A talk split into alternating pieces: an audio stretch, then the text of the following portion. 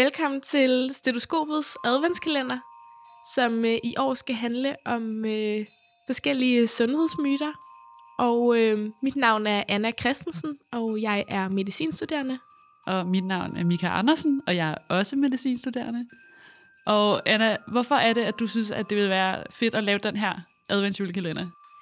Jamen, øh, i år, der bliver det jo min femte jul som medicinstuderende, der sidder ved øh, julefrokostbordet og bliver konfronteret med de ene og de andre dilemmaer, eller øh, ja, sundhedsmyter, som øh, man skal forholde sig til. Så jeg synes, at øh, det på den måde var øh, relevant at, at opklare det for min egen skyld, og for lytternes skyld, så de har nogle facts at dele ud af. Men din situation er jo lidt anderledes, Mika, fordi øh, du bliver jo læge lige om lidt. Ja, jeg bliver læge til januar, og øh, så vil jeg jo gerne være helt klædt på til at kunne være den, der giver patienterne de gode råd. Og der er bare mange myter om, hvorfor sundhed, eller der er mange myter om, hvorfor sygdom opstår. Altså for eksempel, øh, noget af det, der fik mig til at få lyst til at lave den her julekalender, det var dengang, at vi to drak en øl, og så tror jeg, at du får nævnt, at jamen, at du, øh, nu skal du også passe på, at du ikke fryser, mens du øh, cykler, fordi så bliver du forkølet. Og så tænkte jeg, det ved, det ved jeg ikke, om er rigtigt. Det, jeg tror ikke, det er rigtigt, men øh, det er en af de myter, vi skal have opklaret i løbet af adventjulekalenderen. Ja, og noget andet, i, også i forhold til det her med sygdom, er jo også, øh, også meget relevant for julefrokosterne derude, om man for eksempel må øh, drikke alkohol, når man er på penicillinkur. Et andet tema, vi har talt lidt om, da vi brainstormede, det var lidt sådan øh, med overtro, og øh, om det for eksempel er dårligt at blive opereret fredag den 13. Så de næste fire advent, der skal vi rigtig julehygge i studiet. Vi har pyntet studiet op, og øh, i dag starter vi med et emne, der er ret relevant for juletiden, og det er øh, alkohol.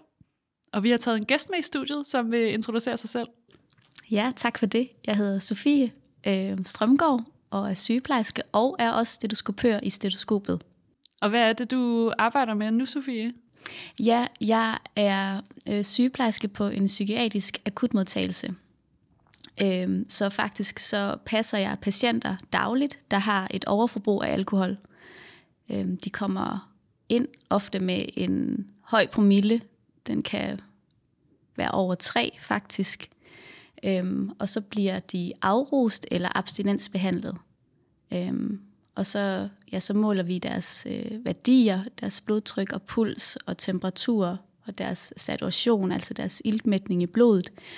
Og så, så bonger de ud på en score, så vi kan give dem noget beroligende, som har samme effekt som alkohol, øh, men jo en bedre virkning end alkohol, så de ikke får de her øh, abstinenser, når de stopper med at drikke.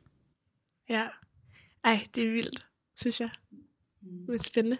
Så du har jo en, en del erfaring med, med i hvert fald alkohol, at behandle øh, folk med alkoholmisbrug.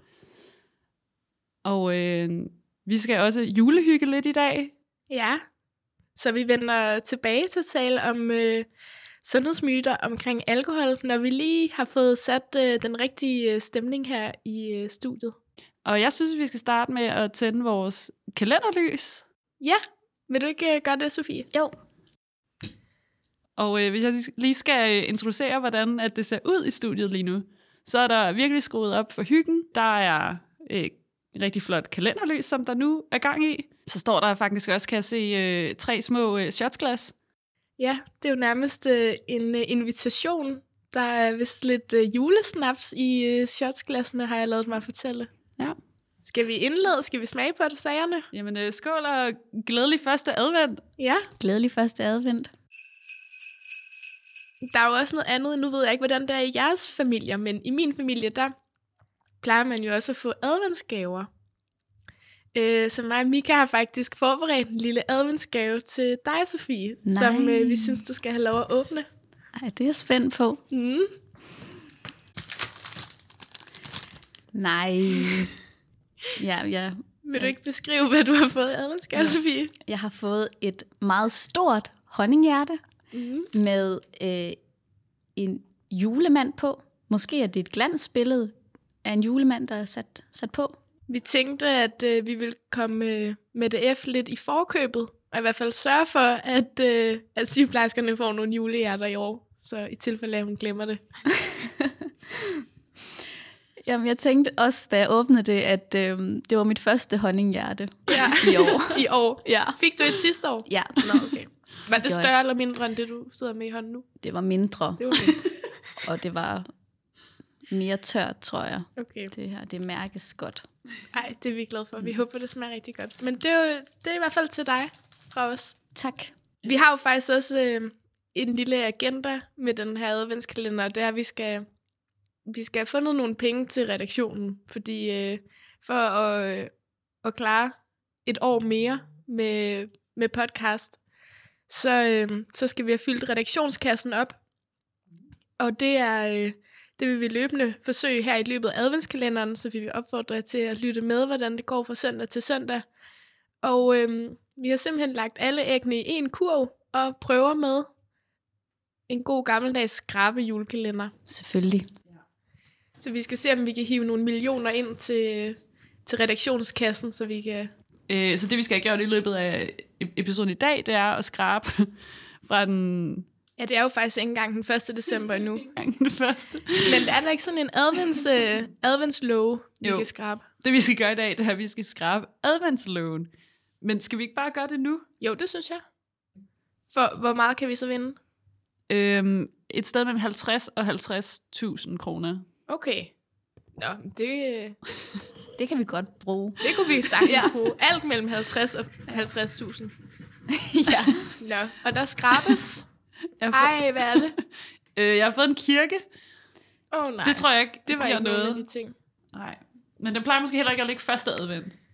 Nej, vi Okay. skal lidt længere hen Men i december måned. Øh, vi må skrabe en igen øh, næste søndag, og se om vi kommer tættere på stetoskopets overlevelse i, i 2022. Det håber vi selvfølgelig meget. Vi har faktisk en lille teaser, så har vi jo faktisk lagt programplanen helt ind til 1. maj, og jeg kan love jer for, at der er masser af spændende programmer i sigte. Men øh, skal vi lægge ud med øh, juledilemmaet om, øh, om alkohol desinficerer øh, øh, svælget og Ja. ja. kroppen? Ja. Måske? Jamen, skal jeg måske prøve at sige noget? Mm. Ja. Øhm, jeg øh, har tilladt mig at tale lidt med vores øh, tidligere overlæge, Nikolas Hansen, øh, ude i akutpsykiatrien. Øhm, nu der er han ledende overlæge i Region Sjælland, også i psykiatrien, hvor han mere har en klinikchef-funktion. Øhm, men han har øhm, undervist utallige gange om abstinenser og om alkohol og alkohols indvirkning på hjernen. Øhm, så jeg øh, stillede ham de her alkoholmyte spørgsmål. Og blandt andet om alkohol renser halsen. Og han siger, at det er simpelthen ikke stærkt nok, fordi at i øh, ren alkohol, stærk alkohol, der er det 40 procent, øh, der er alkoholen 40 procent. Og når vi renser vores hænder med håndsprit, så er vi helt op på mellem 75 og 80 procent alkohol. Der er væsentlig forskel. Det må man sige. Øh, så han skriver til mig, og det kan ikke drikkes, øh, håndspritten. Det skal man huske, det må ikke drikkes, selvom at, øh, det er op i den procentgrad, hvor det renser. Hvorfor ikke? Nogle gange så har vi øh, patienter, som er alkoholafhængige, som kan finde på faktisk at drikke af håndspritten. Det kan skade slimhænderne, og det vil jo så give øh, åbninger til potentielle mikroorganismer, så man faktisk kan altså blive syg, øh, hvis man drikker for stærk alkohol. Men jeg tænker også, at det kan være noget med, at man ligesom får så høj en promille. Altså hvis man drikker noget, der er så stærkt. Ja, fordi altså, alkoholprocenten er, er jo dobbelt så høj Ja. som i, i, i en vodka. Øhm, vi snakker også lidt om, om man så egentlig kan få alkoholprocenten i sit blod til at være høj nok til, at ens blod kan blive fri for bakterier.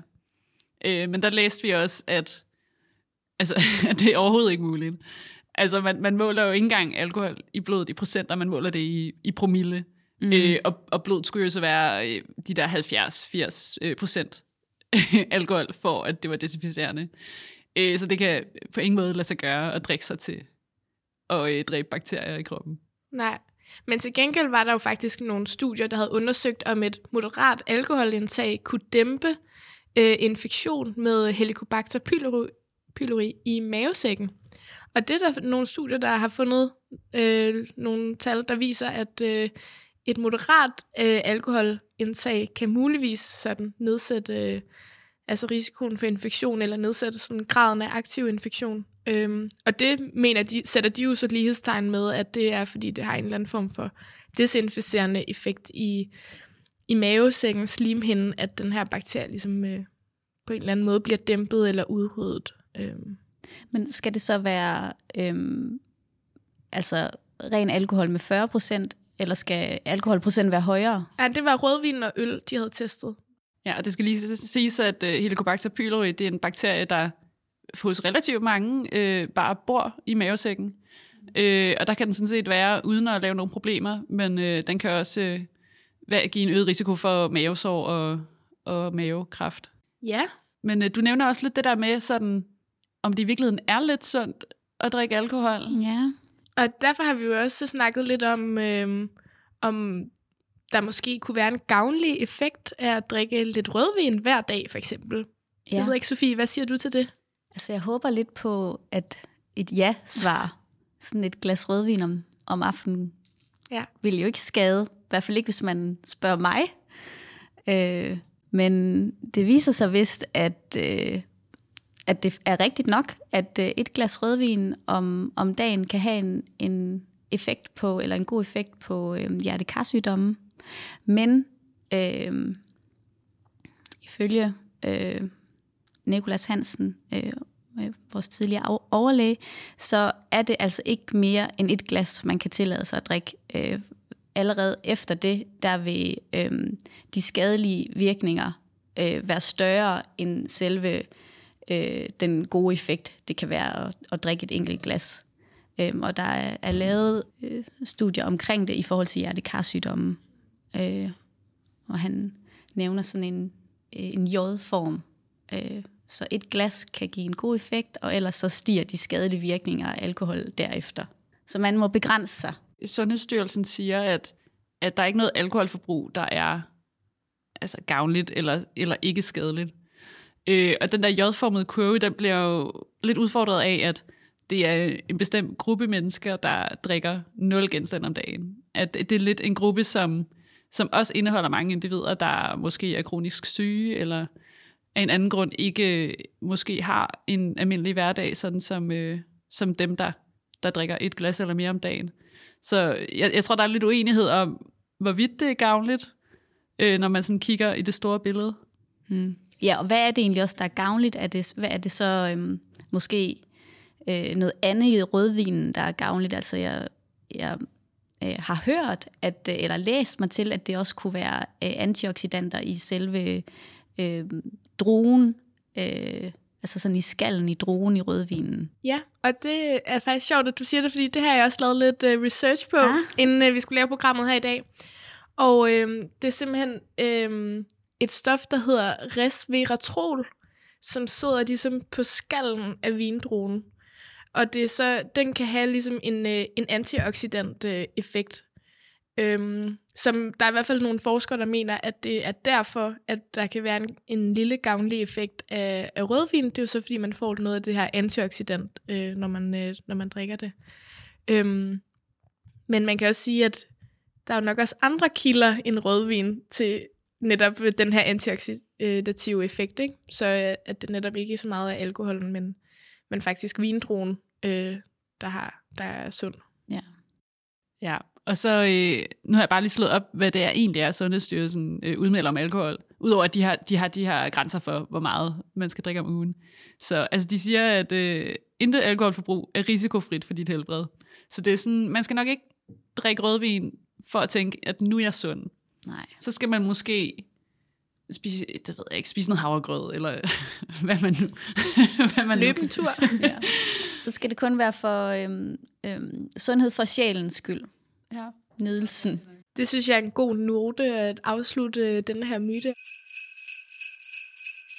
Den øh, næste myte, som vi er blevet mødt med, det er den her med, om alkohol er smertestillende. Og Sofie, hvad, hvad har du undersøgt med det? Ja, altså, jeg har både erfaringer med det selv. det lyder meget videnskabeligt. Og så øh, har jeg også øh, min backup fra, øh, fra Nikolas Hansen. Øhm, hvad, hvad Nikolas han siger, så øh, øh, er alkohol lidt ligesom en kemisk håndgranat. Altså den påvirker flere dele af hjernen. Øh, og den kan også have en smertestillende effekt, fordi at den øh, hæver niveauet af endorfiner, som ja, har en, en smertestillende virkning. Så derfor, så ja, kan øh, alkohol øh, godt lindre smerter. Men gælder det så både for altså smerter, man har erhvervet, mens man var fuld? Eller er det også sådan, når hvis jeg har lidt ondt i mit knæ, og så drikker noget alkohol, så vil, så vil det også føles bedre? Ja, det tror jeg. Altså man, Godt spørgsmål. Øh, jeg har også øh, læst lidt op på det, og altså det viser sig, at der er mange kroniske smertepatienter, der faktisk også øh, har et alkoholmisbrug. Mm. Øh, nok fordi, at det til dels lindrer, men der er også studier, der viser, at det drejer sig om kroniske smerter, altså så kan de faktisk øh, ende med at gøre smerterne værre. Ja. Øh, og der er også nogle kroniske sygdomme, hvor et alkoholforbrug forværrer din øh, sygdomsprognose. Mm. Så man skal ikke begynde at tage det sådan, ligesom man tager panodiler. øhm, ja, man skal nok ikke bruge det for den smertestillende effekt, fordi det er øh, kortvarigt, og der er så mange andre skadelige virkninger ved alkohol, at øh, det ikke er en holdbar løsning.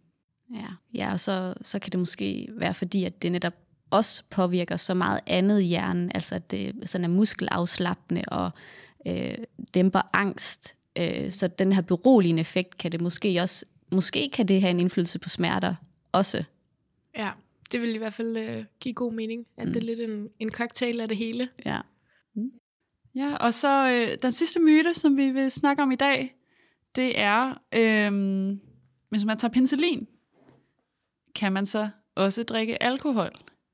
Altså, jeg troede ikke, at man kunne. Jeg troede, at øh, alkohol sammen med antibiotika, det var forbudt. Ja, Men, det, øhm, ja. det var også mit indtryk, at man altså, generelt synes jeg altid, at man møder stor forsigtighed omkring øh, medicin på recept og, og alkohol. Ja, men altså, øhm, Nicolas han siger, at, øh, at på penicillin kan man faktisk godt drikke. Det er et andet form for antibiotika, som har en antabuslignende effekt, altså som man kan blive meget syg af. Øh, præparatet hedder metronidazol. Øh, så hvis man tager det sammen med alkohol, så, øh, så vil man altså få mavesmerter og kaste op og øh, få kvalme, altså få det rigtig dårligt. Ja, og hvis man ikke lige kender øh, præparatet metronidazol, så kan jeg jo lige følge lidt op og sige, at det er et antibiotika, man primært bruger mod øh, infektioner i mavetarmsystemet. Så hvis man for eksempel får antibiotika mod i gåsøjne bare en halsbetændelse eller, eller noget andet, øh, og at det måske er almindelig penicillin eller bioklavid eller hvad det nu er, så er der jo så ikke metronidazol i. Så det, så, så det skal man bare. man skal bare, bare finde løs, hvis man er på antibiotika. Ud og drikke. Ja, man skal måske overveje, hvis man er på antibiotika, er det så fordi, man er for syg til at tage til fest? Øhm, det vil jeg nok tænke, at man var. ja. ja, man kan sige, at kroppen er, har jo så en bakteriel infektion, og, øh, og øh, så er der måske ikke så meget grund til at, at udsætte den for yderligere. Og øh, man, vi skal jo heller ikke glemme, at alkohol det, det er jo, alkohol er jo giftigt. så hvis man har en infektion, så skal man måske, man skal måske slappe lidt af. Ja. ja. Måske skal man lade være med at drikke alkohol. Mm. Måske skal man drikke te i stedet for. Kamillete i stedet for. Men øh, på den note tror jeg, vi er ved at være nået til øh, vejs ende i dagens øh, adventslove. Og tusind tak, fordi du ville komme i dag og være med, Sofie. Det er helt vildt fedt, at du har lavet så meget godt research. Det var super hyggeligt.